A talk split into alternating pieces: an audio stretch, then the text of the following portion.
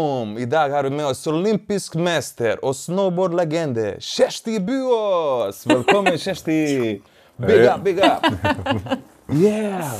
Når vi starta å snakke sammen, så var du jo, da var du jo i LA, om jeg ikke tar mye feil. Ja, jeg var litt uh, sør for LA. Ok. Ja.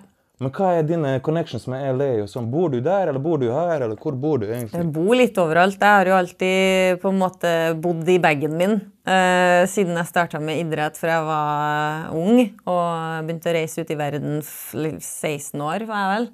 Og eh, alltid liksom vært på reisefot. Så, og California og liksom områdene rundt der. Man skulle ikke tro at det er sånn, men mye av snowboardindustrien er basert der. Eh, mange liksom Snowboarder Mag og liksom store merker, Volcom f.eks., holdt til her, eller der i California. Så jeg har alltid hatt eh, en sterk connection til det stedet. Og så mye venner der, og nå da familie der, og ehm, har en del oppdrag og samarbeidspartnere der òg, så jeg driver og veksler litt på hvor jeg er hen. Og syns det er kult å både være i Trondheim og i California. Ja, ja. Ja. Hvor er du mest, da? Nei, det er liksom, nesten litt sånn halvt om halvt for Ok. tida. Det, jeg velger mye sjøl, da, på øh, og Velger ut fra muligheter, egentlig. Hva som dukker opp, og hva som er spennende. Så jeg er selvstendig næringsdrivende, så jeg styrer jo livet mitt sjøl på, eh, på fleste områdene. Og det er gøy, men også litt strevsomt. Man må være ganske disiplinert for å få til det, ting, at det skal funke. da. Det er ingen sjef som driver og holder deg i ørene. Det akkurat det har sin sjarm at du er såpass fleksibel og kan reise Ja. når det passer deg og når oppdrag dukker opp. Ja, det er akkurat det. Og det er jo sånn jeg har levd siden jeg var 15-16, eh, med å være på reisefot og ha venner i forskjellige land og eh, lære om andre kulturer. Jeg syns det er kjempespennende. Og det gjør også noe med liksom mitt eget hode, der jeg føler at jeg aldri blir stuck i en rutine, da. Eh, fordi når jeg begynner å finne en rutine og liksom komme i en sånn eh, ja, kanskje noe som kunne ha blitt rigid, da. Eh, så skal jeg et sted, og så reiser jeg, og så bare brytes det helt opp. Og det er litt sånn, det er mye kunst i det, men det også, det kan være utfordringer. Um, men jeg er glad i det, og jeg syns det gjør noe med hodet mitt. Det gjør at jeg blir mer spontan og holder meg mer kreativ. Så jeg digger det egentlig. Men hva du gjør i LA, da? Hva gjør du om dagen? Eh, nei, jeg har jo en bakgrunn nå som både sånn coach innen eh, Hjelpe folk eh, som sånn livsstilscoach, men også pust, funksjonell pust og meditasjon, mentaltrening er sånne områder som jeg syns er kjempespennende. eh, og har tatt utdanning innen. Eh, så jeg har både kurs og foredrag og individuelle sessions. Så det kan jeg gjøre både fysisk i Norge, i California, og også på nett. da. Så er det jo andre ting som er sånn eh, damecamper, eh, som jeg har eh, holdt på med i, ja, siden 2016. Eh, over hele verden, egentlig. Eh, jeg har hatt eh, nettopp en i California i fjor, da, på vinteren i fjor, når det var så mye snø. Det snødde jo 17 meter i løpet av den sesongen oppe i Mammoth, som er seks timer unna LA. Oh, Ja, det var så mye snø. Det var, folk snødde jo inn, da, så det var jo kanskje litt vel mye. Men um, det var fantastisk å se liksom, brøytekanter som bare var like høye som, som husene, og takene på husene bare var fulle av pudder. Så vi hadde en sånn um, varebil, en sånn van, som vi tok med oss opp dit. Og en morgen så lå det liksom en sånn haug med snø på taket, som at jeg klatrer opp. Og så børste av solcellepanelene. for å få det strømmen til å funke og sånn, da. Så, men jeg synes sånn er jo gøy. Det er jo en gøy måte å leve på. Så da, da hadde vi camp der da med en haug med damer på snowboard og noen på ski. Topptur, backcountry safety um, og litt sånne ting, da. Så det er veldig mye, jeg oppdaga at det er veldig mye mulighetsrom i California. Det er mye bright minds, mange som tenker progressivt. Så eh, jeg kan egentlig, jeg føler at jeg kan skape det livet jeg vil. Eh, samtidig som å, komme, å være i Trondheim, være i Norge. Veldig, jeg har jo et godt og stort nettverk her òg.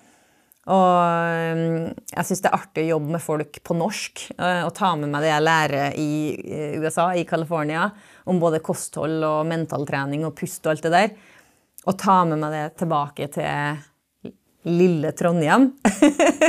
og, så, eh, og så lære bort for, til folk. Så, sånn at folk kanskje kan få et bedre liv. Eh, få mer um, Få bedre helse, ja, bedre kvalitet på søvn osv. Så, videre. så. Når du, er i, når du er i California, da er du mer på landlige områder, eller, er du mer i, du ikke, eller holder du unna byen? Eh, ja, jeg liker eller? egentlig ikke LA eller Los Angeles som by. Det er jo, litt, det er jo mye Det ser kult ut på film, men i virkeligheten så er det jo mye styr, masse trafikk og eksos og ja, veldig mye folk. Så jeg syns jo nedover kysten mot San Diego, det er jo helt fantastisk. Så jeg er jo brettkjører, så surfing jo eh, henger jo tett til, til snowboardkulturen. Så jeg har jo prøvd å lære meg å surfe, da. Det er jo veldig vanskelig. Men eh, jeg føler at i sommer så løsna det litt mer. Så nå kan jeg faktisk begynne å ha det litt artig. For først så var det vel en sånn kamp mot å ikke bare drukne. Overleve, rett og slett. ja, så nå begynner jeg å bli litt flinkere, og så er jeg glad i å fridykk. Så dykke mye, ikke med tank, da, men bare dykke på egen pust. Og det er kjempespennende. Skyte med harpun og sånn. Skyte, skyt min egen middag. Nei. Så det, det, er jo når vi er med, ved kysten, så er det jo sånne type aktiviteter som er spennende. Klatring. Eh, da er det jo sånn reis eh, Kanskje Ikke mange som vet det, men rundt Las Vegas er det veldig bra klatring. Veldig fin natur. Mange tenker på Las Vegas som det det er, men ti minutter utafor så er det liksom kjempefin nasjonalpark med veldig bra klatremuligheter. Så, og fantastisk natur. Du kan faktisk kjøre snowboard der òg, når det er snø. da. Så, wow, Og så er det oppe i fjellene og sånn, sånn når jeg kan det. Så. Når du dykker, har du noen gang møtt på en hai? Eh, ja, men ikke sånne skumle. Eh, bare sånn leopard shark. Som de er de som var der med meg, sa de er ikke farlige, så da måtte jeg bare tro på det. De er ganske små, da. Sånne, de, sånn, de, har sånn leopard-mønster. Men den endte opp på grillen etterpå likevel? Nei, nei, nei, jeg bare svømte over og så bare OK, stol på at de ikke er farlige. Men uh, ikke, jeg har ikke møtt på en uh, av de litt større haiene enda, så det er jeg glad for. For det er en, det er en reell frykt, altså. Så hver gang jeg skal ut og dykke, så, så er det jo en sånn kamp med hodet og eh, må prøve å liksom bare bestemme seg at nå skal jeg ut hit, skal jeg ut og dykke, og så har jeg bestemt meg for det. Og så må jeg bare liksom prøve å kose meg. For hvis ikke så ødelegger jeg jo hele opplevelsen. Så det er en, sånn, det er en ganske kul måte å, å lære om seg sjøl på.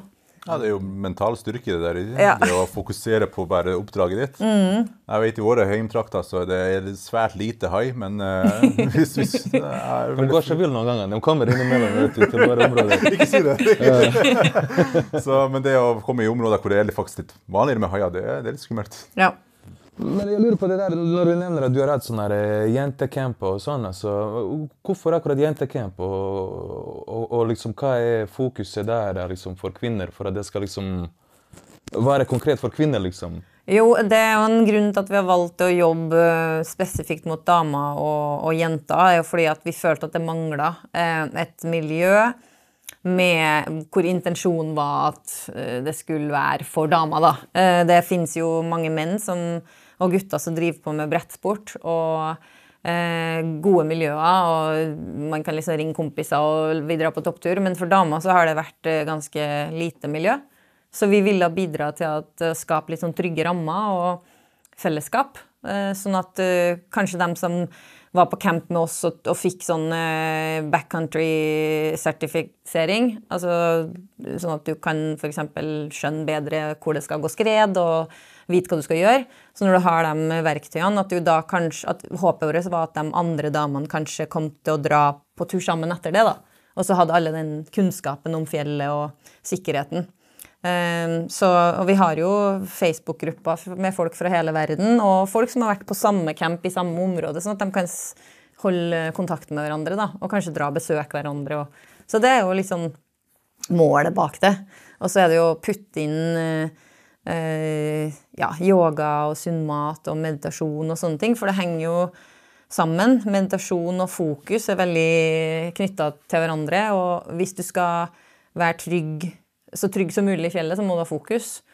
Eh, du må være liksom, til stede og følge med naturen. Du må følge med liksom, hvor du er. Du kan ikke tenke på hva du skal gjøre neste dag. Fordi plutselig går det et skred. ikke sant? Så jeg føler at det henger veldig godt sammen, det her eh, mindfulness og mentaltrening og um, sammen med det å være ute i naturen, og spesielt da på topptur.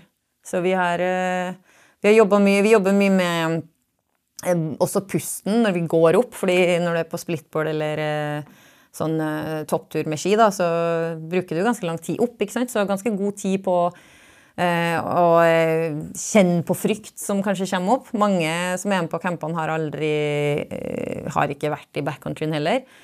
Og plutselig kommer det tåke inn, ikke sant? så blir det helt hvitt, og så blåser det. Og så står du der på fjellet, og så blir noen redd, og så går vi sammen og så jobber vi med liksom, den derre frykten, og så kanskje vi eh, til og med finner fram en sang eller noe som kan gjøre at det blir litt lettere stemning. Og så jobber man sammen som et team. Og det syns jeg er kjempespennende. Og det er jo liksom vi kunne jo hatt camper for menn også, men vi følte at det mangla det her. Så det var egentlig vårt bidrag til det. Og så er det også en, et godt Eller jeg har et ganske stort um, engasjement i Vassfjellet, som er lokalfjellet her. Lokal skibakken. Har dere vært der? Nei, ikke ennå. Snart. Nei, jeg, må, jeg, har vært der, men ikke så ofte, må jeg innrømme. Ja, ja altså, den er, det er jo Føler meg litt sånn shame akkurat nå. Det, det, det, der har jeg lært å kjøre, der har jeg lært å kjøre snowboard. Vi har bodd for lenge i Norge. Når du føler shame for at du ikke har vært på bakken det er, har vært der, ikke så ofte. Ikke så ofte. Har du ikke vært i Vassfjellet? Nei, det er 20 minutter eh, mot Klæbu. Og det var der jeg lærte å kjøre snowboard. Og ski, for så vidt. Slalåmski. Så der hang jeg hver dag etter skolen når jeg var kid. Og mamma var skipatrulje, som er sånn patruljerer sikkerheten og hvis noen skader seg. Eh, så da, når, hun, når lysene stengte seg klokka ni, da, og mamma sa nå må vi dra hjem, så, så ville ikke jeg hjem. Jeg og søstrene mine vi bare nei, vi vil være her lenger. så da gikk vi opp bakken da når heisen stengte. Så vi Det var en veldig stor sjarm i, i, det der eh, på 90-tallet. Og det var liksom ikke noe fancy store greier, det var bare stor lidenskap. Eh, men nå er jo Vassfjellet blitt utvikla med stolheis og blitt skikkelig bra. Eh, så nå er jo jeg en del av teamet der. Markedsføring og skape events og kundeopplevelser. Så eh, senest i går så hadde vi første Ladies Night eh, oppi der. Som er målet med det, jo at å få masse damer sammen. Lavterskel, lavbudsjett-opplegg som eh, handler om at damer og jenter kan Eh, knytte nye vennskap og kjøre på ski og snowboard sammen og ha det kult. Inspirere hverandre. Og så kan vi putte inn sånne morsomme ting da, som karaokekveld og diverse som jeg har tenkt på. så i går så var vi en gjeng da og kjørte og flira og hadde det artig. Hvilken låt synger du på karaoke? Hvilken låt? Hvilken låt? Hvilken er din som go to-låt? Det er jo kanskje enten Gangsters Paradise Alright. eller Bohemian Rhapsody. Ok. Men det høres ikke noe fint ut. Begge er populære hjemme hos oss, for å si det sånn. Så det er top notch. Men så da, da både mor di påvirka veldig mye mm. interessen for uh, vinter generelt, men ja. særlig da snowboarding og sånt? Mm. Eh, mamma, helt klart, hun uh, jobba som pedagog på barnehage og jobba som rektor på skole. og Veldig flink med unger og barn. Og siden jeg var liten, så har jeg alltid liksom fått oss med i aktiviteter. Og pappa alltid var eh, sånn som kjørte oss på alle mulige aktiviteter og treninger. Så vi har veldig støttende foreldre. Og det tror jeg er viktig for at man skal eh, skape et trygt og godt grunnlag da, for å tørre å sånn, for eksempel, da, som jeg dro ut og satsa på snowboard, ikke sant. Uten at det var sånn jeg skal dra og vinne OL. Jeg bare, jeg bare satsa på at det her var liksom en uh, god og riktig vei for meg, da, fordi det var morsomt. Det var det som var liksom hele starten på det. Det her er kult å drive med, så det har jeg lyst til å gjøre. Men når du starta, så var jo ikke snowboarding engang en OL-gren. Og det var jo ikke så mange som, som hadde markert seg heller i den idretten. Det var ikke så stort på den tida i det hele tatt. Hva var det som trakk deg mot snowboard, og hvordan kom du over snowboard i det hele tatt? Um, jeg kjørte ski, og så eh, begynte storesøstera mi med snowboard sammen med sine venninner. Det var jo veldig få damer da, eller jenter som kjørte, men når de begynte, så var jo jeg lillesøster og jeg bare jeg skal gjøre det samme som deg. så da fikk jeg tak i et eh, brett så, som var altfor stort, og så fulgte jeg bare etter. Så hadde jeg Army boots oppi bindingene med ullsokker rundt og sånn for at det skulle passe. Og så prøvde jeg bare å henge følge med dem. Og det gjorde jo at jeg måtte liksom lære fort, da. Fordi de kunne allerede kjøre litt. Så var jeg litt sånn liten og bare Nei, jeg skal ta deg igjen. Og, så uh, syntes jeg det var kjempegøy at du kunne kjøre begge veiene. For på den tida så var det jo ikke twintip-ski. Så jeg kjørte jo ski før det, men da var det jo bare én vei. Mens uh, nå går det an å gjøre tilnærma dem eller enda bedre triks med ski, men da var det ikke det så vanlig. Så da var snowboard kjempekult, fordi jeg kunne trikse, jeg kunne grabbe brettet på en måte og gjøre liksom Det var mye mer lekeprega kultur enn skimiljøet jeg var i hvert fall i, da. Så da fant jeg jo noen um, helter oppi, noen lokalhelter oppe i Vassfjellet. Eh, noen gutter som uh, jobba på Sport Extreme, som var en sånn uh, uh, Ja, den største brettbutikken her i Trondheim da, på den tida. Og da så så jeg opp til de her guttene, og så var det noen jenter, blant annet som heter Lisa, og hun ble liksom min rollemodell for å tørre å uh, kjøre sånn norgescuper og sånn, da. Så da begynte jeg med det. Norgescup. Reiste rundt i Norge på alle mulige konkurranser. Gjorde det veldig bra.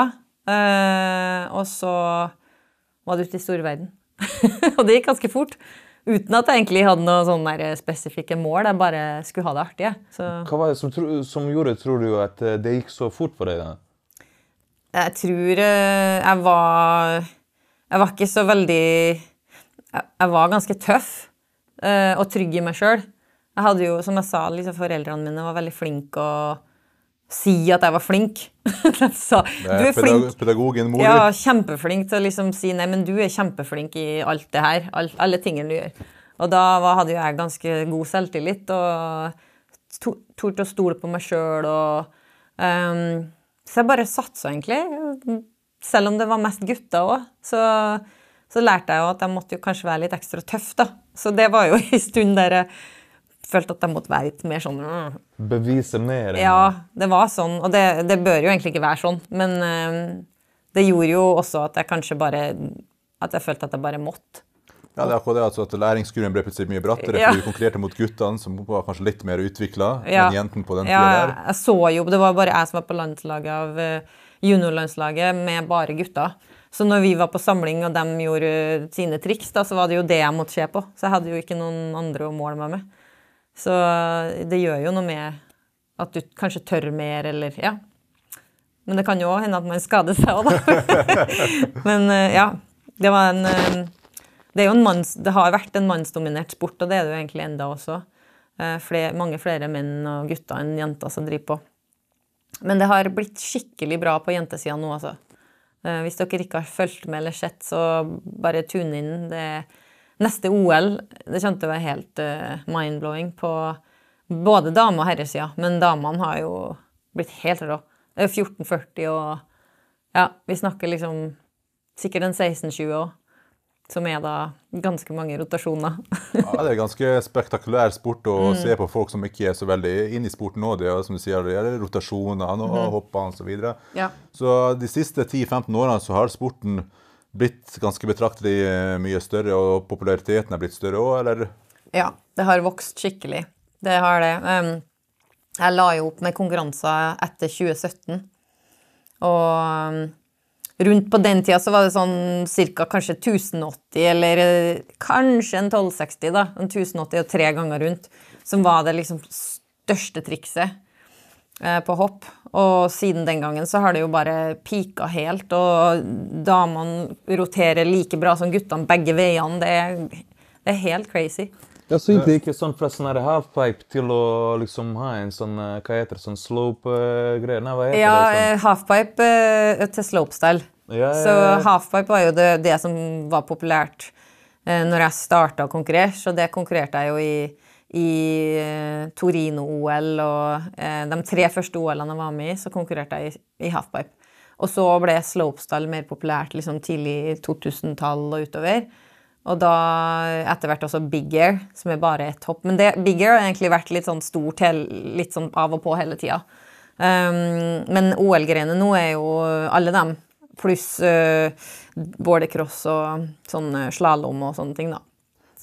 Hvorfor, eh, hvorfor, tror du at det er blitt eh, såpass eh, mye populært de siste årene? Det er bedre premier i å vinne, eller er det bedre markedsføring? Eller hvorfor tror du at sporten har blitt såpass stor de siste, siste jeg, årene? Jeg tror det handler mye om at det har kommet at, altså, Instagram og sosiale ja, medier, ja, det, det, i seg sjøl gjør jo at uh, både skate og snow på, på damesida har eksplodert, tror jeg. Fordi at du ser at det er flere jenter.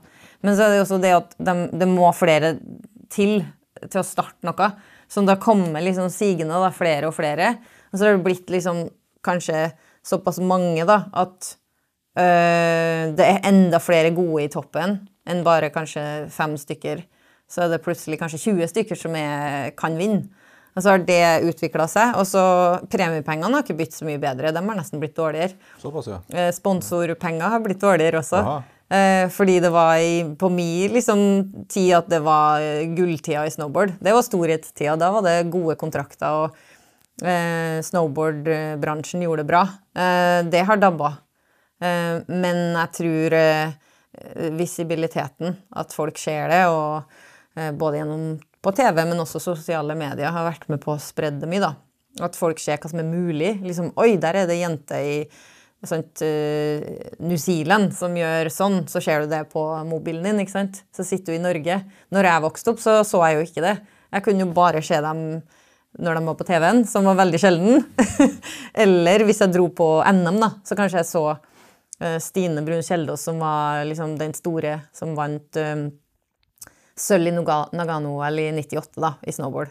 Så hun så jo jeg da på en lokal konkurranse, eller en NM i Norge, da og ble inspirert av hun. Men det var jo vanskeligere å finne inspirasjonen enn det er nå. For nå er det overalt.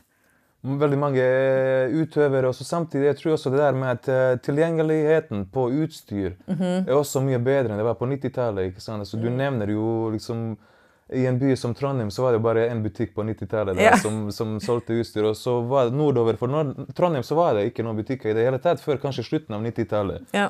Når det gjelder, gjelder, utstyr og sånn. Så jeg tror det også har vært med på å utvikle sporten videre. Mm. Men jeg syns det var interessant det du nevnte i sted, det der med, med, mindfulness og sånn. Når ble du interessert i det, og hvorfor, hvorfor ble du interessert i det? Eh, sånn Kanskje når jeg begynte med yoga, og det var vel ja, i 2005, kanskje? 2005-2006. Så begynte jeg var mye, Vi var jo mye i USA. Uh, begynte å komme opp flere yogastudioer rundt omkring, og også oppi der vi var og trente og sånn, i fjellbyer eller ja, kunne være hvor som helst. Og da begynte jeg å gå på litt sånn yogatimer, og så er det jo med sånn shivasana på slutten, som er en meditasjon. Eh, og yoga er jo også en slags meditasjon i bevegelse med pust. Så jeg ble fascinert av hva det gjorde med meg. Jeg begynte å gjøre det mer og bruke liksom elementer fra det jeg lærte der, til å forberede meg da, for å konkurrere. Eller eh, jeg kjente jo også at jeg kunne restituere mye bedre etter jeg hadde vært og trent eller konkurrert. Jeg eh, begynte å ta vare på kroppen min litt mer bevisst. Og så etter hvert så begynte vi å bruke litt sånne lydfiler som vi hadde funnet på nett. Eh, Deepak eh, Chopra tror jeg var en av dem. Eh, vi brukte når vi var, Vi husker vi satt i New Zealand, en jentegjeng der, og så hadde vi på noe sånn derre Love and Kindness Meditation med Deepak Chopra eller noe sånt nå. Så vi prøvde å forberede oss mentalt da, på, på liksom å, å, komme litt mer i ro og finne Finn kanskje også da leiken i meg sjøl, for det er veldig knytta sammen for min del. Det med å ha ro og føle seg trygg og føle seg glad sammen med leik. Det, det henger så mye sammen, da, og tilstedeværelse. Så, så, og så merka jeg jo at jeg hadde jo brukt mye av det jeg hørte i meditasjon, eller mye av det jeg lærte gjennom sånne ting på yoga. Det hadde jeg jo egentlig brukt litt ubevisst fra før av når jeg sto på start og skulle forberede meg. For jeg hadde jo hadde jo kanskje kjent på at uh, hvis jeg kjenner litt etter, godt ekstra etter i hendene mine, så kanskje jeg blir roligere. Så jeg hadde jo liksom noen sånne Og pusten. Jeg var jo liksom småbevisst på det. Så når, som idrettsutøver så skaper du deg dine egne metoder for å takle stress og for å takle press. Men det er ikke alltid du vet uh, oppskriften, for du har bare funnet på det. Ubevisst. Og så gjør du det kanskje hver gang, og så blir det en sånn ting. Men så kan du ikke forklare det. Så når jeg begynte å lære mer om de her teknikkene gjennom yoga, og da etter hvert også et meditasjonskurs, så syntes jeg det var kjempefascinerende at det faktisk eh, fantes noen spesifikke oppskrifter da, som du kunne følge. Og hvis du fulgte det nesten som en matoppskrift, så kunne du få et uh, mentalt resultat. Der du kanskje følte deg mye mer avslappa og rolig, og, og, kanskje fokusert samtidig, da. Så det var liksom min inngang til det her. Og så dykka jeg jo dypere inn i det her med hvordan man kan trene hjernen sin på samme måte som vi trener kroppen fysisk. Um, og jeg lærte også litt om visualisering uh, gjennom eh, en idrettspsykolog på Olympiatoppen før OL i Torino. Fordi da hadde jeg skada meg og brekt foten. Og så kunne jeg ikke kjøre på snowboard. Jeg kunne ikke gå på foten engang. Så alt jeg kunne gjøre, var å sitte i sofaen og visualisere.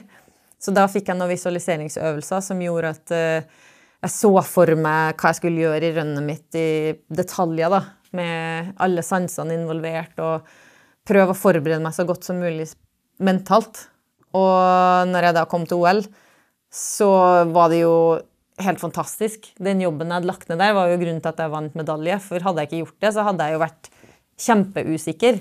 Men jeg så, hadde jo gjort en så god mental jobb at når jeg først var tilbake, så bare boom, så bare satt ting.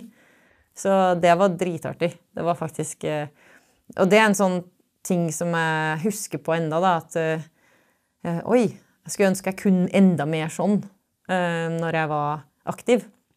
Så nå er jeg sånn veldig opptatt av å prøve å formidle til andre idrettsutøvere også at hei, du kan gjøre veldig mye oppi her for å prestere bedre og for å ha det bra i idretten. Det er jo masse uh, Mange som sliter mentalt og som slutter med idrett fordi det er for mye press, og for at det kanskje er dårlige trenere eller uh, dårlig miljø rundt. Så jeg tror det er viktig å bruke verktøy for å ja, komme over det der, og kanskje også den der indre kritikeren som alle har, men som kommer veldig, veldig sterkt fram når du skal ut i konkurranse og kanskje ikke gjør det så bra. Da er mange som uh, går i kjelleren, ikke sant, fordi de snakker seg sjøl ned. Um, så det å lære liksom om hjernen og hvordan den fungerer, og hvordan vi kan jobbe med den og ikke mot den, det syns jeg er superspennende. Og så er det jo også fordypning i pust. Jeg snakka litt om det med funksjonell pust. Jeg kun, har kunnet eh, mye om pust en stund, men det med funksjonell pust er liksom det siste jeg har blitt superfascinert av. da. Eh, at vi bør puste med nesen så mye som mulig, og hvordan type muskulatur vi skal bruke for å puste funksjonelt, og hva det gjør med oss. Og ja, hva det, hva det gjør med altså hva man utbytte får man av det? Ja, det, det er så mange fordeler. Det, det, er jo sånn, Pustemuskulaturen vår veier jo sånn fire-fem kilo, og hvis vi ikke bruker mellomgulvet eh, til å støtte det her, så blir det veldig tungt å puste. Så mange går jo rundt altså Mange sliter jo på seg treningsastma fordi de presser pusten for hardt.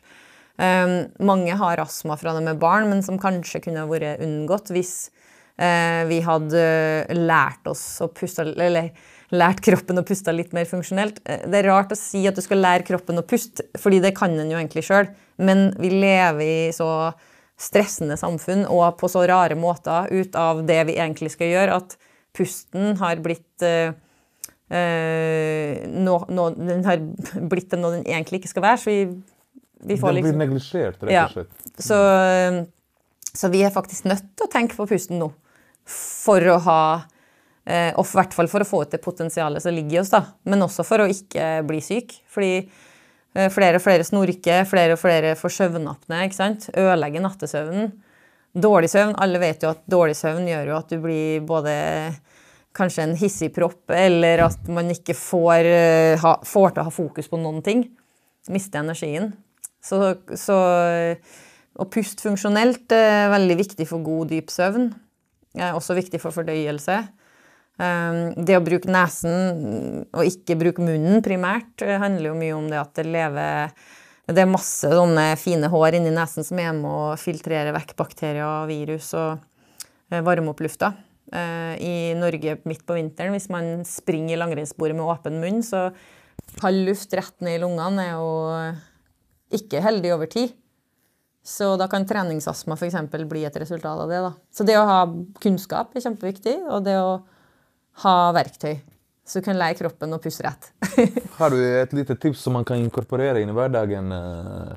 Ja, Det enkleste du kan gjøre, er å starte med å bli litt bevisst på puste med nesen eller munnen mest. Eh, og så vil du sikkert finne ut De fleste vil nok kanskje finne ut at de puster mest med munnen, fordi 90% av oss puster dysfunksjonelt, eh, ifølge forskning. Um, det trenger ikke bare å være at du puster med munnen, men det kan også være at man puster i feil rytme, um, eller at man puster for høyt oppi her. Det henger ofte sammen at man bruker munnen og at pusten blir høyt opp. Hvis man bruker nesen, så kommer pusten naturlig mer ned i nederste delen av lungene. Uh, så det med litt bevissthet på, på uh, Selvfølgelig så skjer jo ikke det når vi prater så mye. Så hvis man prater som jobb, hvis det er en del av jobben din, så kan det være lurt å legge inn litt sånn derre bolker gjennom dagen der du pust, ikke prater like mye og puster mer med nesen. da. Så det er et sånn enkelt tips. Og så er det jo det enkleste av alt for dem som, for dem som føler at, det, at de er klar for det, er å teipe munnen når man sover. Eh, du trenger jo egentlig ikke å gjøre noen ting. Da får du sju-åtte timer med nespust ok, Så det er ikke noe farlig til å man... Det er ikke noe farlig. Eh, det er, enk det er enkelte grupper som har eh, kanskje veldig store søvnapneutfordringer, bør prate med sin lege først eh, før de gjør sånne ting. Men for de fleste så er det å sette en bitte liten tape sånn helt ufarlig. Og lære, kropp, lære kroppen at munnen skal være lukka igjen, og at nesen kan brukes til å puste med. Ehm, så, men selvfølgelig ikke bruk tape hvis eh, man har vært eh, på fest og drukket mye alkohol. da kan man holde seg unna, unna, den kvelden etter julebordet. Men det, du, du, hvis du tenker på det, etter et eh, julebord og en sen kveld, så er det jo ofte mer snorking. Det er ofte mer mm.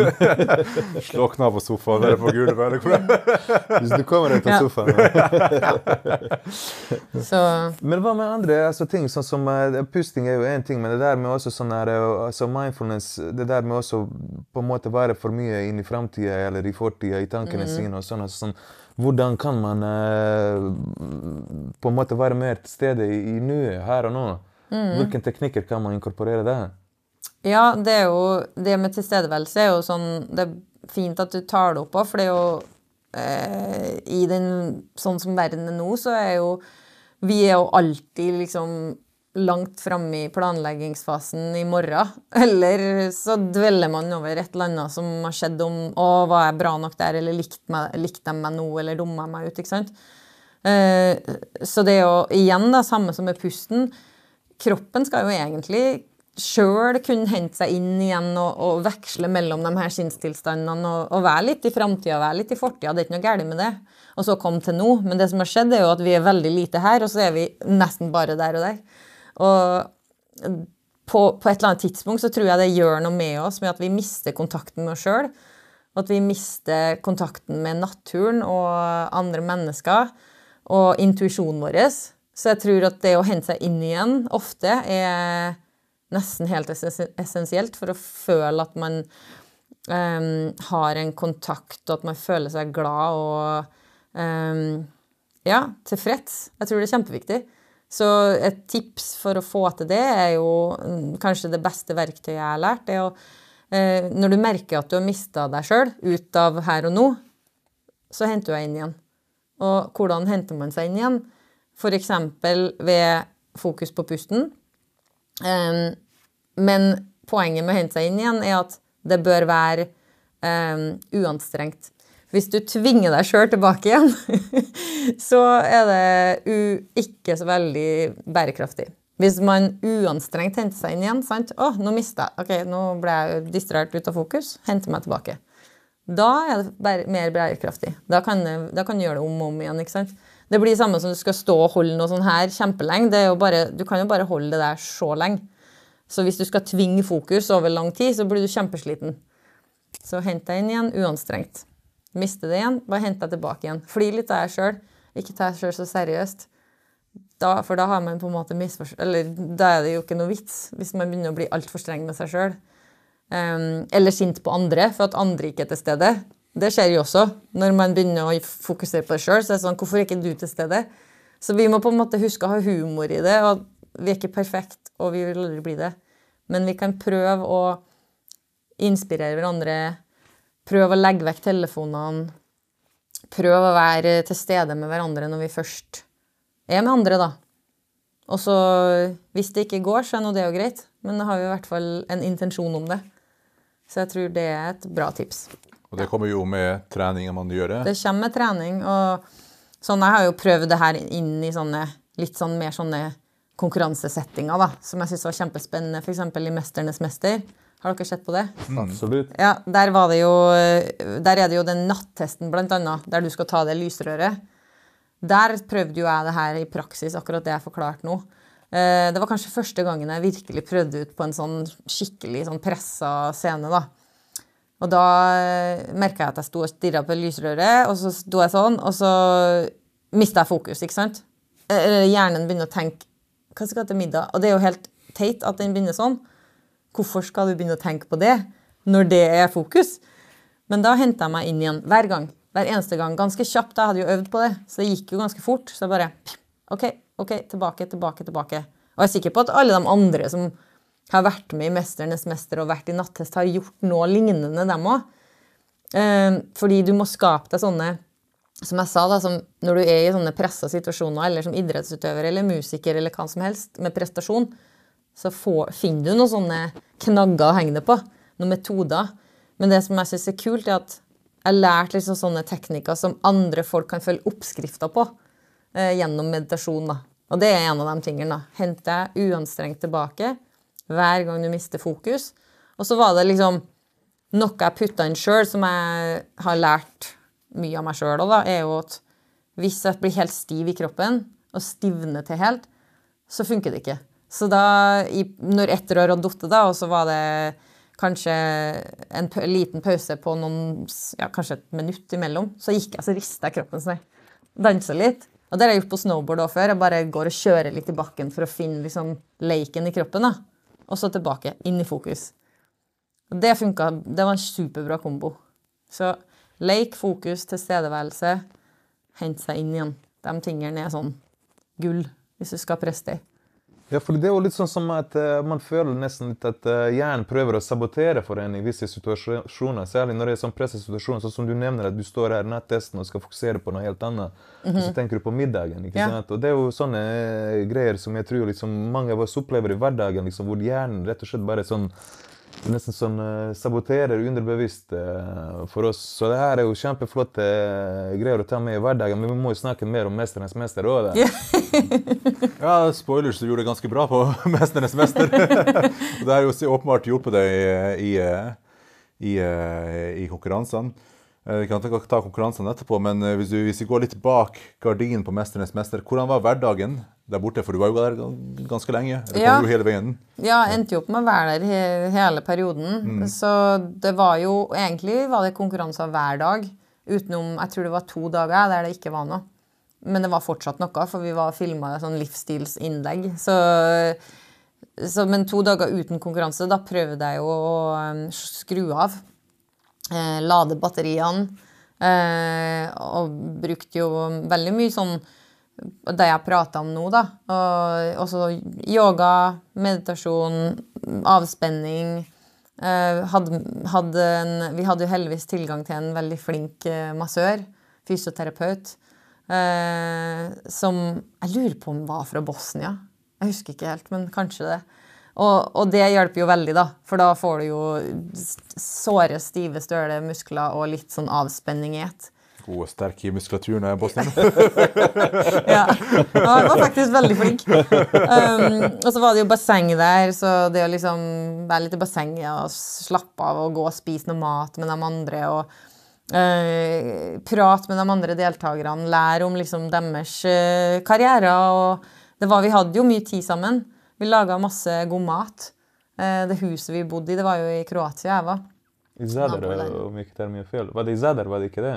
Eh, det var i Nå har jeg. Ja, jeg tror det er Zadar dere ja. var i. Ja. Jeg tror det. Men uh, hvor lenge, når du sier du var der hele perioden, hvor lang er den perioden, innspillingsperioden? Det var vel over eh, Det var en måned, tror jeg. En Vi måned. var nesten en måned, ja. Så det var ganske intenst. Eh, jeg var helt mør, mørbanka på slutten. Jeg var så stiv og støl. For det var tunge ting, da. Uh, og den der helvetesuka som liksom er de tyngste, den er jo rett før Det er jo liksom semifinalen. Så etter det så var jeg jo Da hadde vi jo stått i skranken i 16 minutter, så jeg var helt uh, utslitt i, i, grepet og Så um, det handla mye om å liksom få til det med å skru av og på når du må. Uh, og der igjen, da, sånn, av å være idrettsutøver, så lærer du jo deg det. Men jeg har også lært mye gjennom eh, meditasjon og eh, yoga at hvordan skrur du av, og hvordan skrur du på når du vil sjøl. Fordi, som du sa, hjernen er flink å sabotere. Den vil ikke være med å sove eller slappe av når du skal slappe av, når du må. Så da å ha noen gode teknikker, oppskrifter som du kan følge punkt og prikke, så skjer det faktisk en eller annen endring oppi hjernen. da, Fordi at uh, hjernen fungerer, fungerer på hertz. Så, eh, sånn bølgefrekvens, ikke sant. Så hvis eh, man er veldig oppgira, så er det høy frekvens og høy hertz. Og hvis man er, er mer i en sånn meditativ eh, state, eller at man er i mot søvn, da går det nedover i hertz. Så, så, det å forstå at det faktisk skjer noe inni hjernen når man eh, bruker sånne teknikker som kommer ofte fra da, meditasjon, det er veldig fint, for da forstår du at det er ikke bare å sitte og ikke prøve å tenke. Det handler om å gjøre steg én, steg to, steg tre, steg fire. Så gjør du sånn og sånn og sånn. Så bruker du pusten på en måte, og så blir det roligere oppi hjernen. Og så summen av det hele fører deg i en state of mind som gjør at du kan Ja. Mm. For det, det, blir liksom Jeg liker å se for meg at det nesten er som et hav da med storm og masse bølger, ikke sant. Så går det fra å være det til å bli liksom puh, helt stilt. Ja, det er jo mange inntrykk som kroppen og hjernen, sansene, ja. tar imot. og skal på det, balansere alt det der. Ja. Men uh, før, du, uh, før, du, reiste til, uh, til Kroatia, trente du noe særlig på de potensielle øvelsene som skulle dukke opp, eller tok du alt på sparken? Nei, jeg trente på, jeg trente på det jeg trodde at Jeg så jo episodene fra før og trente på det jeg trodde kom til å komme. da. Men jeg gidda jo ikke å trene på å stå i 90-graderen alene. Så jeg, det gjorde jeg kanskje to ganger, og så bare Nei, men dette er ikke jeg noe god på. Men det endte jeg jo opp med at uh, den øvelsen vant jeg. Men heldigvis, den sesongen jeg var, så sto ikke folk i en time. det var bare Jeg trengte ikke å stå noe mer enn eh, litt under sju minutter. Så det var jo bra. Men den orka jeg ikke å drive og øve på så, så mye. Men jeg trente veldig allsidig. Og jeg, jeg, jeg gjorde jo egentlig det fra før også. Jeg er veldig glad i å trene på Altså underlag som Altså springe på sanda, f.eks. barfot, eller klatre, eller eh, drive med turn, eller surfe. Men også funksjonell styrketrening, da, som gjør at du blir veldig gjennomsterk. Så jeg er jo sterk i statiske øvelser, spesielt. Det kommer jo kanskje av bakgrunn fra snowboard, men det kommer jo også av måten jeg har trent på. Og måten kanskje min kropp er bygd på. Så, så, sånn allsidig trening eh, var kanskje det jeg hadde mest fokus på, da. Eh, jeg prøvde den der skranken òg, men det orka jeg jo ikke å stå i mer enn ett minutt alene. Eh, men plutselig så fikk jeg det til når jeg var der. Så det var sånn overraskelse som moment for meg. da hadde jeg aldri trodd. Ja, For du pusher det litt mer i, i konkurransesituasjonen enn du kanskje gjør alene? Ja, men der brukte jeg, det som skjedde der, var jo at jeg brukte, der brukte jeg meditasjon igjen, det jeg lærte der, i skranken. Jeg bare fant et punkt uh, på en paraply eller en sånn strandparasoll som var langt borti, borti der. Og så bare stirra jeg på den, og så gikk jeg inn i en sånn Brukte en sånn slags teknikk, da. Og så bare kom jeg inn i en sånn For tida går Altså, tida går jo saktere når du blir eh, rolig, men samtidig så så kan du på en måte da få følelsen av at kunne, jeg kunne ha hengt der og så bare Hæ, har det gått, 20, har det gått 16 minutter? Ikke sant? Jeg trodde det hadde gått fem. Jeg. Så det hjalp veldig for min del. da, Å ikke være sånn Å, hva er klokka? Hvor langt gjør det gått? Eh, det å være rolig. Eh, rolig oppi her, samtidig som kroppen er i action. da. Så det, den, det var en veldig god balanse for meg. Og så Jeg trente jo litt sånn prøve å få litt utholdenhet og ja, gjøre det jeg trodde kom. Men mest men mentalt. Det var det som ga edge, en ekstra edge. For det er ikke så mange som trener mentalt. Men når dere på en måte er i, eh, i hverdagen i 'Mesternes mester'? Er det sånn at de konkurransene er såpass tunge at dere trener ikke resten av dagen, eller får dere til ei treningsøkt eller noe sånt? Det var veldig lange spill, innspillingsdager. Eh, så Men det var en dag det var den derre heng i den her, og det, da hang jeg jo under et minutt, så det var Og så tror jeg vi skulle telle sånne oliven etterpå. Sånn, det, var, så det var jo en veldig lite den ene dagen, da. Så hvis man har sånne, så, så selvfølgelig Jeg trener mye uten Jeg trener mye med kroppsvekt.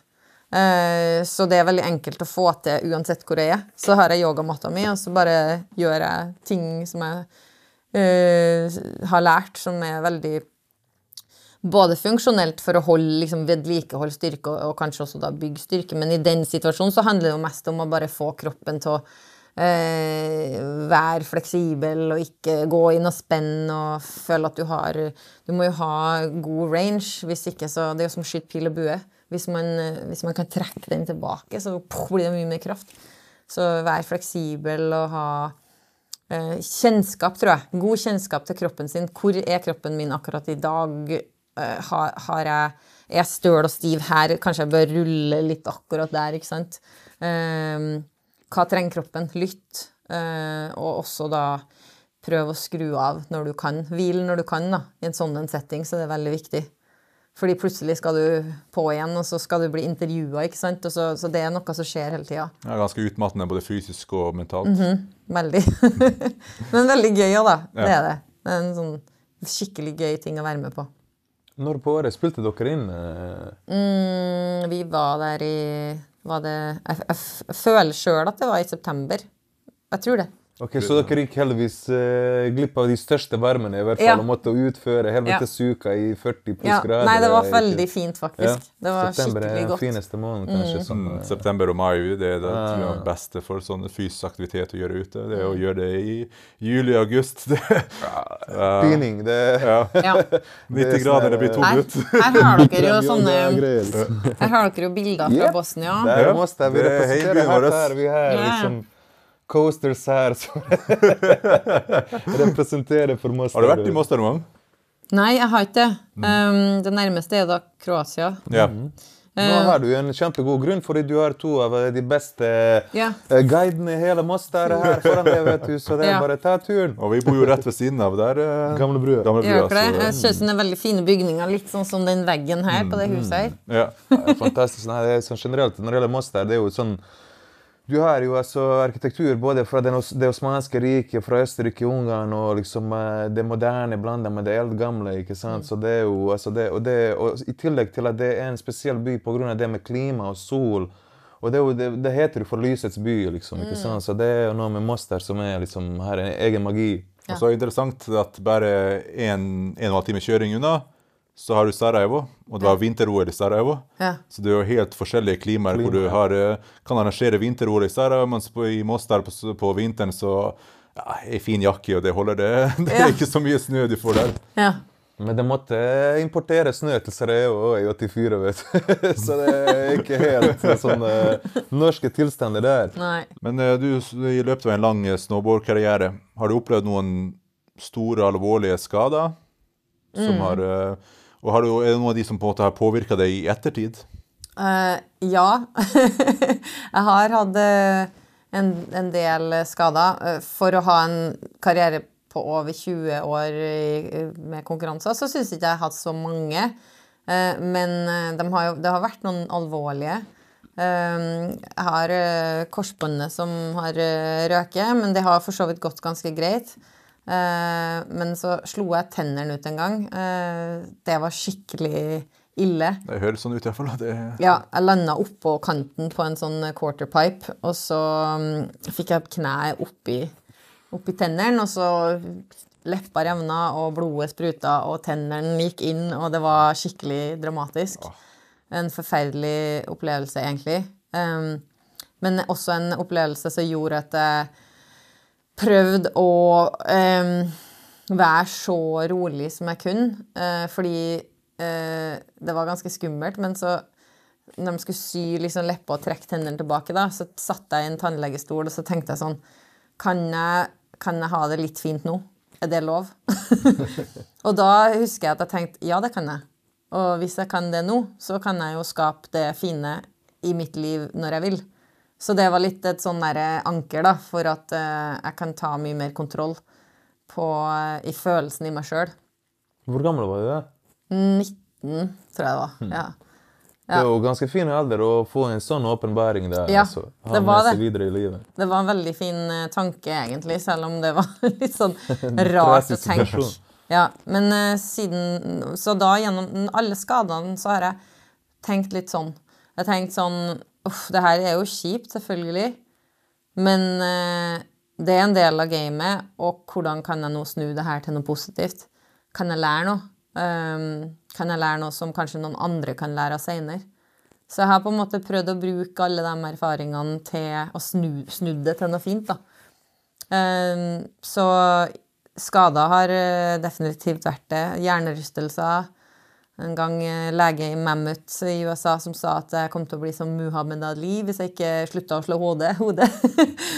Og det har vært uh, uh, Her har jeg hatt operasjon. Um, der røyk masse leddbånd inni her. Det var også veldig vondt og måtte gå med hånda i gips ganske lenge og trene opp skikkelig håndleddet. De sa jeg ikke kom til å gjøre pushups igjen, men det, da ble jeg bare sta og sa det skal jeg vel.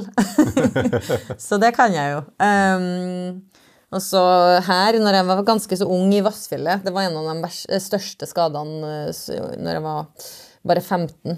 Så brøyta jeg av en bit av eh, albuen, så jeg måtte inn på sykehuset. Da skulle jeg egentlig på Vet dere Charta 77? Charta bandet. Det hørtes kjent ut. altså jeg tror jeg har hørt om Det var jo populært uh, på 90-tallet, så da var det konsert med dem i Trondheim. Men den fikk ikke jeg gå på, for jeg måtte på sykehuset. Oh, har satt en støkk i det der. Det var, det var, opplevelse. Det er derfor kun du husker det bandet fra. Det var så kjipt. ja, men samtidig så er det jo altså det der med at det var jo en skade som lærte deg det med visualisering Også, Ja, ja, nettopp. Så det her bringer noe veldig godt med seg å ha med, med seg et, et ja. godt redskap å ha med seg videre i livet. Ja, og alle de arrene som på en måte har kommet med det her, da, jo, forteller jo små historier.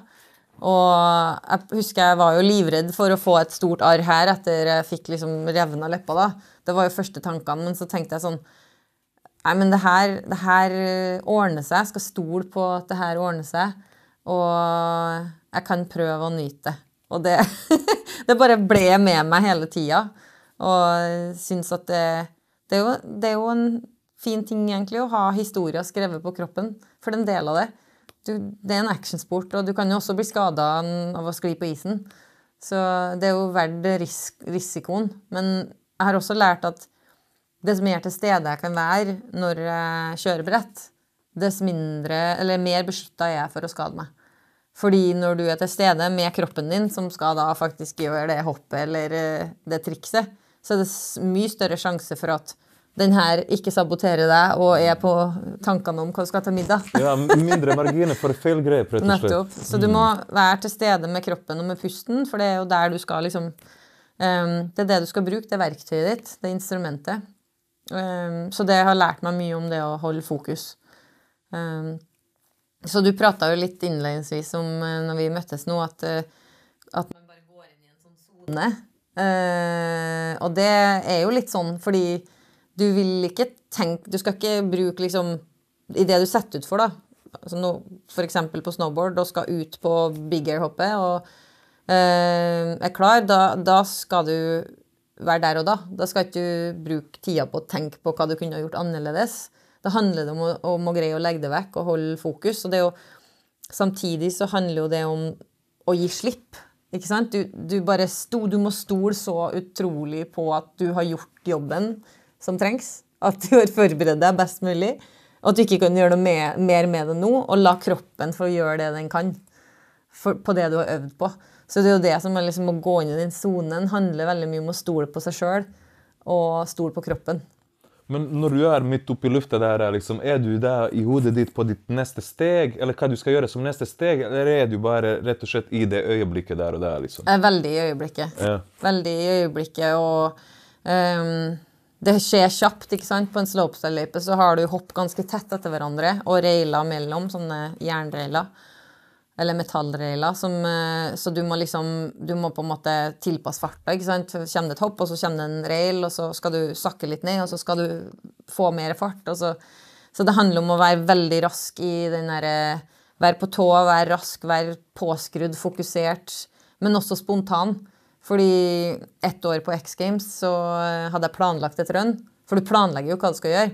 Går jo gjennom det og visualiserer det. Og, eh, men eh, jeg landa motsatt vei av det jeg skulle, da, på den ene railen. Av den ene railen. Og da kom jeg jo switch inn på neste hopp. Så da måtte jeg gjøre om på hele løpet mitt nedover. Og det var bare sånn her spontant. Sånn, kanskje man kan finne igjen i sånn jazzspilling, f.eks.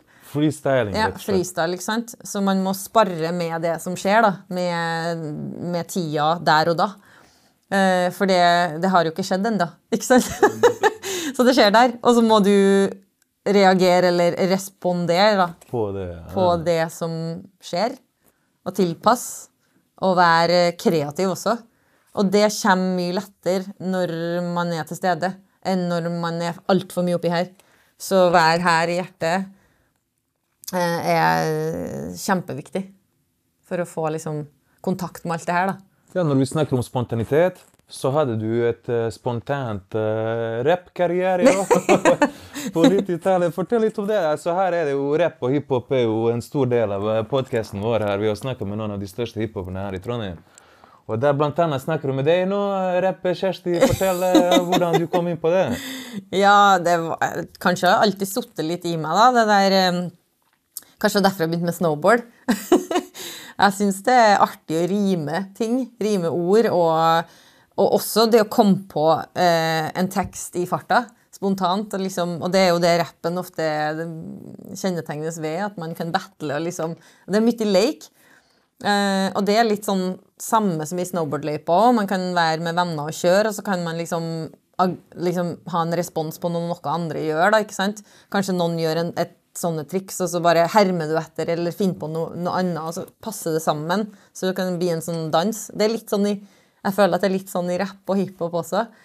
Uh, nå er ikke jeg noen sånn ekspert på den musikksjangen der, men jeg syns det er leikent og artig. så jeg alltid liksom prøvd å tulle litt med det og hatt det med. Da, så jeg laga en del sånne morsomme rappevideoer som vi la ut på YouTube på 2000-tallet. da. eh, og det er jo litt sånn snowboardmiljø igjen. Du, det er mye rom for å holde på med andre ting. Du er ute og reiser, men du har jo fritid også. Eh, der eh, det var morsomt å fylle tida med andre kreative ting som kanskje kan ta hodet litt vekk fra konkurranser og, det, og, og snowboard, da. For du, du, blir jo lei av det du driver på med over tid. Um, så da var det liksom det å lage noen rapper sammen og tulle litt og sånn, det var gøy. Da er spørsmålet mitt kan jeg forvente en collab mellom dere to i, i snar fremtid. Vi må det med Åge på ref, vet du. Men det er, det er men er du Men er din Jeg har aldri spurt om hva ditt yrke var. Nei, Jeg jobber med litt av hvert, vet du. Men blant annet med rap også. Der, med ja. musikk. Jeg har gjort det ganske mange år, men det har vært lite fra meg de siste årene. Vi har hatt litt sånn fokus på det her. og jeg har fokuset litt sånn på kids og sånne mm. ting. Men da, men da, må du få til eh, Åge med på sangen, for dere kjenner jo litt hverandre før av. Ja, jo da. Åge, det som var kult uh, med Åge Jeg har jo hørt på Åge siden jeg var ung, og så har jeg vært på konserter med han og møtt han på litt backstage på noen konserter og sånn. Eh, også under eh, OL i Torino så hadde jeg sagt i avisa at jeg syntes det var veldig kult å kjøre halfpipe med Åge fire pils og pizza på øret. Eh, og da fikk jeg en mail eh, av Åge sjøl, som hadde laga en eh, versjon, en annen versjon av Fire pils og pizza som var litt mer jazza opp. Litt mer eh, futti. Som han sa at jeg kunne ha da når jeg var i OL i Torino. uh, så da Det var dritkult, faktisk. Ja, fy faen, det, det, må være litt av en sånn Ja, det var en boost. En stor boost. Så den hadde jeg jo da på øret. Og så um, I Torino så fikk vi også eh, lov å velge Det var jo når snowboard Nå er snowboard og OL blitt enda større, men da, i 2006, så fikk vi lov til å bestemme hvordan musikk de skulle spille i vår run fra liksom eh, høyttalerområdet der, da. det, sånn er ikke noe mer. Men um, det var så lite oppi Bardonecchia der oppe i Torino, så det var Jeg tror det var det var derfor at det var greit, da. Men nå er det, sånn, nå er det blitt så svært. Ja, kommersialisert ja. er jo sikkert folk som betaler for å få musikken sin spilt. i Sikkert. Men da var det i hvert fall lov, så da jo, fikk vi være å velge musikk sjøl. Og det var jo kjempekult. Eh, de hadde ikke Åge der, men eh, jeg valgte noe andre, andre greier. Og det, bare det, liksom, jeg føler at det også definerer litt den derre snowboardidretten. At her, her, er det litt annerledes, ikke sant? Um, vi velger, vi velger sjøl hvilken musikk vi skal kjøre til. Det var ingen andre idretter der da som gjorde det. Mm. Så det er litt av min sånn tiltrekning til snowboard. Og også det at snowboard og musikk henger veldig tett sammen. Eh, at vi bruker musikk. At det gir en rytme, da. Eh, det er viktig. Og der er jo liksom Rapp er jo artig. Det er rytme, det er battling, og det, det er gøy. Ja, Når du har headsetet på i nedoverbakken, hva har du på spillelista der? Jeg har så mye forskjellig. Det er det som er gøy, da. Det er jo sånn, eh, kan ha alt fra Åge ikke sant, til en, en eller annen hiphop-sang. Men det kan også være Beatles eller Jack Johnson, eller det kan være Jeg har, jeg har ingen limits for hva det kan være, annet enn Jeg er ikke så glad i bare sånn plain R&B. Ja. Ikke så glad i det. Men uh, det meste andre ting, det er bra. Det må, altså, noen ganger så er det bare fint med sånn stemning også. Uh, altså, hvis du kjører mellom trærne i pudder og sånn, så, så, kan det bare være sånn der, musikk som gir en kjempegod feeling. Um, så jeg er veldig åpen for hva jeg har på. men når, når, når jeg konkurrerte liksom um, når jeg var i konkurranser, så, så, kunne jo fort hjernen min bli sånn Ja, men du må lage én spilleliste, så vil du høre på samme sangen. ikke sant? Så kan man fort bli sånn litt sånn overtenke ting. Så jeg prøvde å ikke gjøre det for mye, da. Fordi hvis den sangen plutselig ikke kommer, så kan du bli helt stressa. Så det å liksom bare ha en, en Da brukte vi jo sånn um, shuffle eller iPod. og bare ha masse sanger som du vet er bra, og så kan hva som helst komme. Det er det beste. Nei, Jeg gleder meg i hvert fall til Kjersti Adi og Åge i 2024. Det, det er det jeg gleder meg til. Kjersti og Åge, ja. Nå, Åge, jeg og du skal lage en sang sammen. Men da kan du komme inn og rappe, da. Ja, jeg kommer, du vet, sånn, når jeg kommer inn sånn på slutten og bare liksom Sånn som Jala på Eurovision, vet du. ja, men det er faktisk en liten drøm, det å lage en sang med Åge. Ja, ja, ja. ja. Men jeg tror alle trøndere har en sånn liten drøm. Ja, det har det. Lage en sang med Åge. jeg trodde jeg var spesiell. Men innenfor um, snowboarding, altså Hulk Hogan hadde Andre the Giant. Klæbo har Bolsjunov. Hvem, har du som, eller, hvem hadde du som din store nemesis før i tida? Det var et vanskelig spørsmål. det er vanskelig å spare det til slutt. ja, det var kjempevanskelig. Det har jeg ikke noe godt svar på. Veldig fint sånn politisk korrekt svar til slutt. hadde du ingen som du hadde lyst til å skyte piler på? Sånn der piler, vet du. Nei, jeg har faktisk ikke det. Nei, så det var, Kanskje du må komme opp med et nytt tullespørsmål, for det var en dårlig avslutning. Han ville bare få inn sine referanser med Hulk Hogan og ja, Jeg måtte få, jeg måtte få inn litt wrestling i ja. Snowboard-episoden her. Tenkte å gå litt dark og snakke om piller og Kurt Angle, men det, det sparer vi til en annen dag. Ja, det blir litt for dark. Nei da, men det er selvfølgelig det. Vi aksepterer det svaret der. Vi, ja, det gjør det, ja? Ja, ja det går helt fint. jeg glemte å spørre, hva er du Eller jeg glemte å spørre, det er akkurat som, som vanlig, men hva er du i horoskopet, forresten? Steinbukk. Steinbukk. Ok, så du er slutten av, slutt, eller begynnelsen av året? Jeg har altså, nettopp hatt bursdag. Eller januar? Nei, jeg har bursdag 5. januar. 5. januar, ok, ja. greit. Som jeg vel overstått. Ok, ok. Med mindre de har flytta deres stjernetegnene. For de skulle jo, det skulle jo puttes inn et nytt et. Ok. Ja. Hva, slag, hva, hva skulle det være? Det nye? Nå husker jeg ikke hva det heter. Har du ja, Nå åpner vi stort tema på slutten her. ja, det, det her er Pandoras eske. nei, men jeg har faktisk aldri hørt om det, så jeg syns det er dritinteressant. Du må, du må gå og google det. Ok, fett. For nå husker jeg ikke hva det nye stjernen het. Men det hadde noe med å gjøre at alle ble forskjøvet litt. Ok, men Jeg bare lurer på hva liksom, var egenskapene til det nye. Det ja, det, det, jeg husker ikke, men jeg bare bestemte meg for at jeg skulle være steinbukk. Okay. Enda. så det var ikke så attraktivt, det nye? jeg fortsetter bare å være steinbukk likevel. Det er bra. Vannmann og jomfru. Det er bra. Ja. Så i løpet av eh, hele karrieren for snowboard, men for så vidt du kan trekke det ut lenger òg, hva er du eh, mest stolt av at du har oppnådd? oppnådd? Ja, i, i snowboardkarrieren så er jeg veldig stolt over min egen eh, innsats og da resultatet i OL i Torino i 2006. Fordi jeg hadde en van vanskelig eh, inngang. Jeg hadde jo skada meg, som jeg sa, og trodde ikke jeg kunne være med. Eh, og så ble det liksom den overraskelsen for meg. Jeg hadde ikke trodd at jeg kom til å ta medalje. Og det var så stort, fordi den dagen så var det veldig få norske som tok medalje. Nordmenn er jo bortskjemt. Nordmenn tar jo masse medaljer. Så Ja, det er jo Norge noen ganger- så å si alltid nummer én i, ja, vinter så noen, så så noen ganger så de som vin, for vinner en bronsemedalje, da, du blir jo ikke engang sett. Nei, merker i lunsj. Det blir ikke feira så veldig mye bronsemedaljer. Men, men den, den dagen jeg vant bronsemedaljen, da var det ingen andre som hadde gjort det bra. Og snowboard var såpass eh, sånn underdog. da. Det var ingen som trodde at vi kom til å ta medalje i snowboard. Og så tok jeg medalje i snowboard, og da ble det jo masse medieoppmerksomhet. Og da fikk jeg liksom eh, møte Bjørn Dæhlie. Og jeg fikk, eh, jeg fikk liksom eh, så mye meldinger fra folk også. Telefonen min bare eksploderte med hyggelige meldinger fra alle mulige folk. Og det, var, det er noe spesielt med å få å kunne motta så mye energi fra folk. Og det er bare positivt. Det er jo en gave som eh, kanskje ikke nok mennesker har kjent på. Det er jo sånn det er noe man kan prøve å kjenne mer på når man f.eks. har bursdag, da.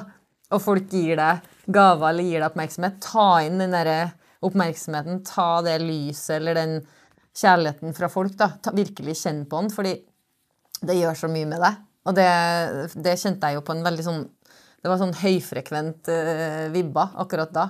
Så jeg husker det så godt. Og så det, hadde det vært så vanskelig på en måte å tro på at jeg kom til å klare i hele tatt være med. Så det, det kom så overraskende, og det var så, så positivt. Så det var, det var sterkt, og jeg brukte så mye seinere i livet for å, å komme over ting eller utfordringer eller få tro på meg sjøl. Og for å virkelig eh, tørre å, å stå på den der filosofien om at bare, bare stol på deg sjøl og slipp alt, og bare kos deg og nyt. For det var det jeg gjorde. Så, så det, liksom, det, det var en bekreftelse på det her, da. Så da tør jeg å, å leve det. Så ja, tror det var det. Ja, Jævla kult å oppleve at man har faktisk fått og greid, greid å få til en olympisk medalje. Være i toppen eh, i eh, verden i sin greie. Helt ekstremt og jævla kult. Ja. Og så et annet stort øyeblikk var når jeg sang eh, 'Gangsters Paradise' sammen med søstera mi i New York. OK. Jeg tror vi var på en sånn eh, transesittbar. og eh, eh, altså, Men så var det faktisk eh, Det var nesten ingen der, fordi det var en mandag.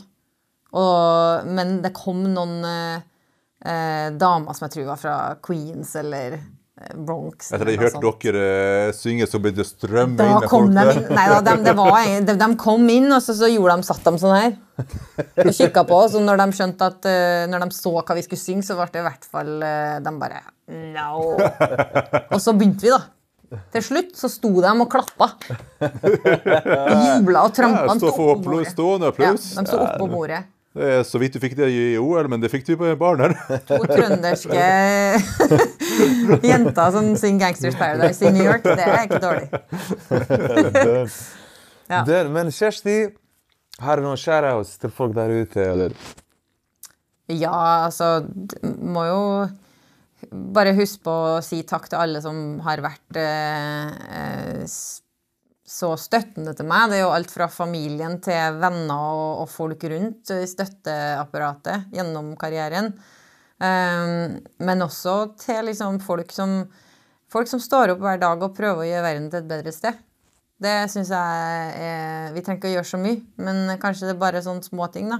Kan være å gi noen et kompliment, eller eh, gi et smil til noen, eller eh, gi seg sjøl litt påfyll tilbake. For vi trenger å gjøre det. Eh, vi trenger å Vi trenger jo å finne liksom fred i oss sjøl hvis det skal bli mer fred på jorda. Så jeg tror at bare det lille vi kan gjøre i vår egen eh, sirkel eller med oss sjøl, er kjempeviktig, så jeg setter stor pris på det. Så jeg vil sende en shout-out til dem som gjør det, og som gidder å legge inn den innsatsen.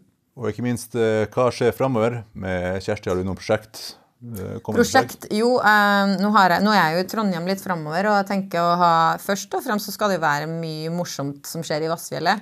Eh, Ladies Night hver tirsdag eh, gjennom vinteren, så kom fra seks til åtte. Dere kan jo komme og henge bak, da. Å, det har vært jævla artig, det. Vi er med på Ladies Night. så, så er det jo mye andre ting som skjer oppi der òg, da. Så, så, det er bare å følge med på det. Og så er det For min del så skal jeg ha et, eh, et kurs i funksjonell pust i, som starter i februar. 1. februar, og det blir et fysisk kurs på løft på Moholt.